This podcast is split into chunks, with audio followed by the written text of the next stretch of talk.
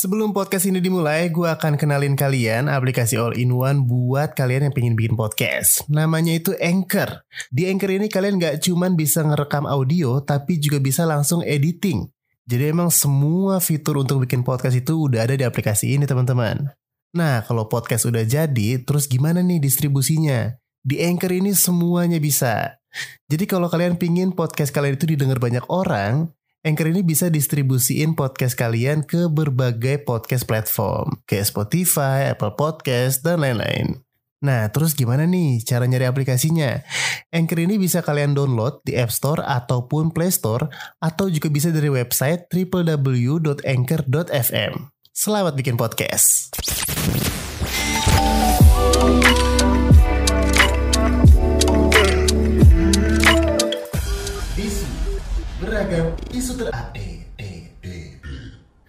Balik lagi di Bisu, bahas isu terupdate. Apa kabar kalian semua? Sudah memasuki bulan kedua di Februari.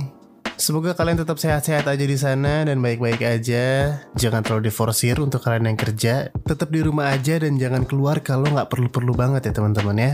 Oke, di bisu kali ini gue bakal buka dari Menteri Kesehatan yang menyebut antibodi vaksin COVID-19 ini terbentuk dalam 2-3 minggu. Jadi Menteri Kesehatan Budi Gunadi Sadikin bilang kalau waktu 2-3 pekan itu dibutuhkan untuk mengetahui cara kerja vaksin COVID-19 asal perusahaan Cina Sinovac dalam membentuk antibodi atau kekebalan tubuh. Nah, hal ini disampaikan usai menerima suntikan dosis kedua vaksin Sinovac di Istana Negara bersama Presiden Joko Widodo dan sejumlah pejabat negara lainnya, teman-teman.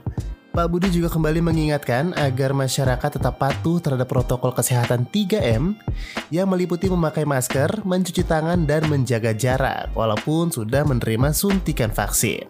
Karena memang walaupun sudah ditemukan vaksinnya, tapi kalau kita sebagai masyarakat tidak bisa kooperatif dengan peraturan pemerintah, bakal tetap sulit untuk menekan angka positif COVID di Indonesia ini teman-teman.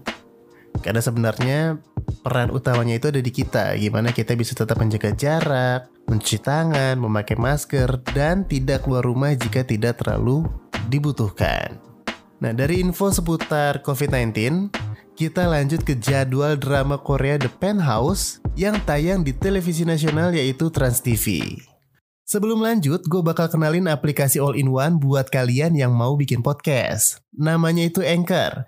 Jadi di Anchor ini kalian gak cuma bisa ngerekam audio, tapi juga bisa langsung editing audio kalian di sini.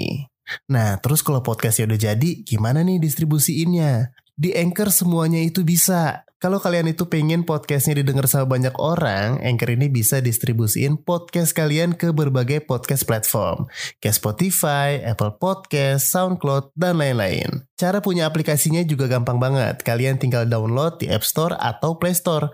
Atau bisa juga dari website www.anchor.fm. Selamat bikin podcast! Jadi buat kalian yang belum tahu, The Penthouse ini merupakan drama yang menampilkan dinamika serta konflik keluarga papan atas yang tinggal di apartemen 100 lantai. Kebayang gak sih kalau kalian tinggal di apartemen yang 100 lantai? Uh, kalau buat gue sih gue gak mau ya, karena gue termasuk orang yang takut ketinggian. nah, drama ini akan fokus pada kehidupan tiga keluarga, di mana keluarga pertama adalah Sim Soryon dan Dantai. Nah, Sim Suryon ini merupakan keturunan konglomerat yang bersikap seperti ratu di penthouse. Sementara John Dantai merupakan pebisnis real estate. Lanjut ke keluarga kedua, ada Cheon Seo Jin dan juga Ha Hyo. Nah, pasangan kedua ini dikenal sebagai pasangan yang ambisius. Jadi si pasangan kedua ini itu nggak akan pernah berhenti berupaya untuk mendapatkan semua keinginan mereka. Nah, si suaminya ini, Hayun Seol, merupakan kepala bedah pasien VIP di sebuah rumah sakit. Sementara keluarga ketiga adalah ibu tunggal Oh Yun Hee yang siap melakukan apa pun demi masuk dunia kelas atas. Jadi dia ini datang dari keluarga miskin tapi punya tekad untuk melakukan apa pun agar bisa menjadi ratu penthouse demi anak-anaknya. Dari cerita yang barusan gue kasih tahu aja tuh udah menarik banget teman-teman ya. Ada tiga keluarga, keluarga pertama itu bisa dibilang kelas AB, terus keluarga kedua itu kelas BC, dan yang ketiga ini adalah kelas CD sekaligus single parent. Nah, drama Korea The Penthouse ini pertama kali tayang di Korea pada 26 Oktober. dengan rata-rata rating mereka itu 6,7 sampai 9,2 persen di pekan pertama penayangannya.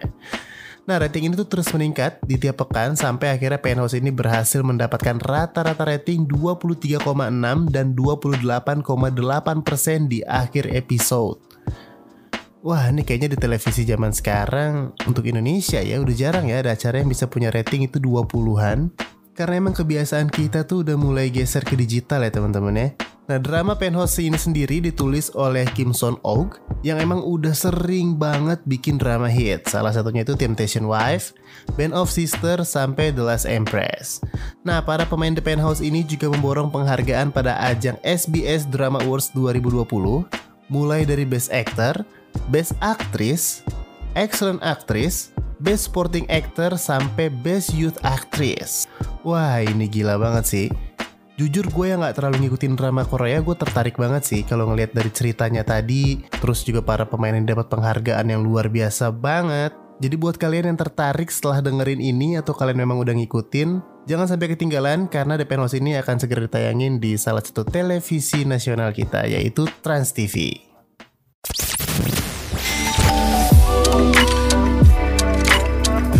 Isu beragam isu terupdate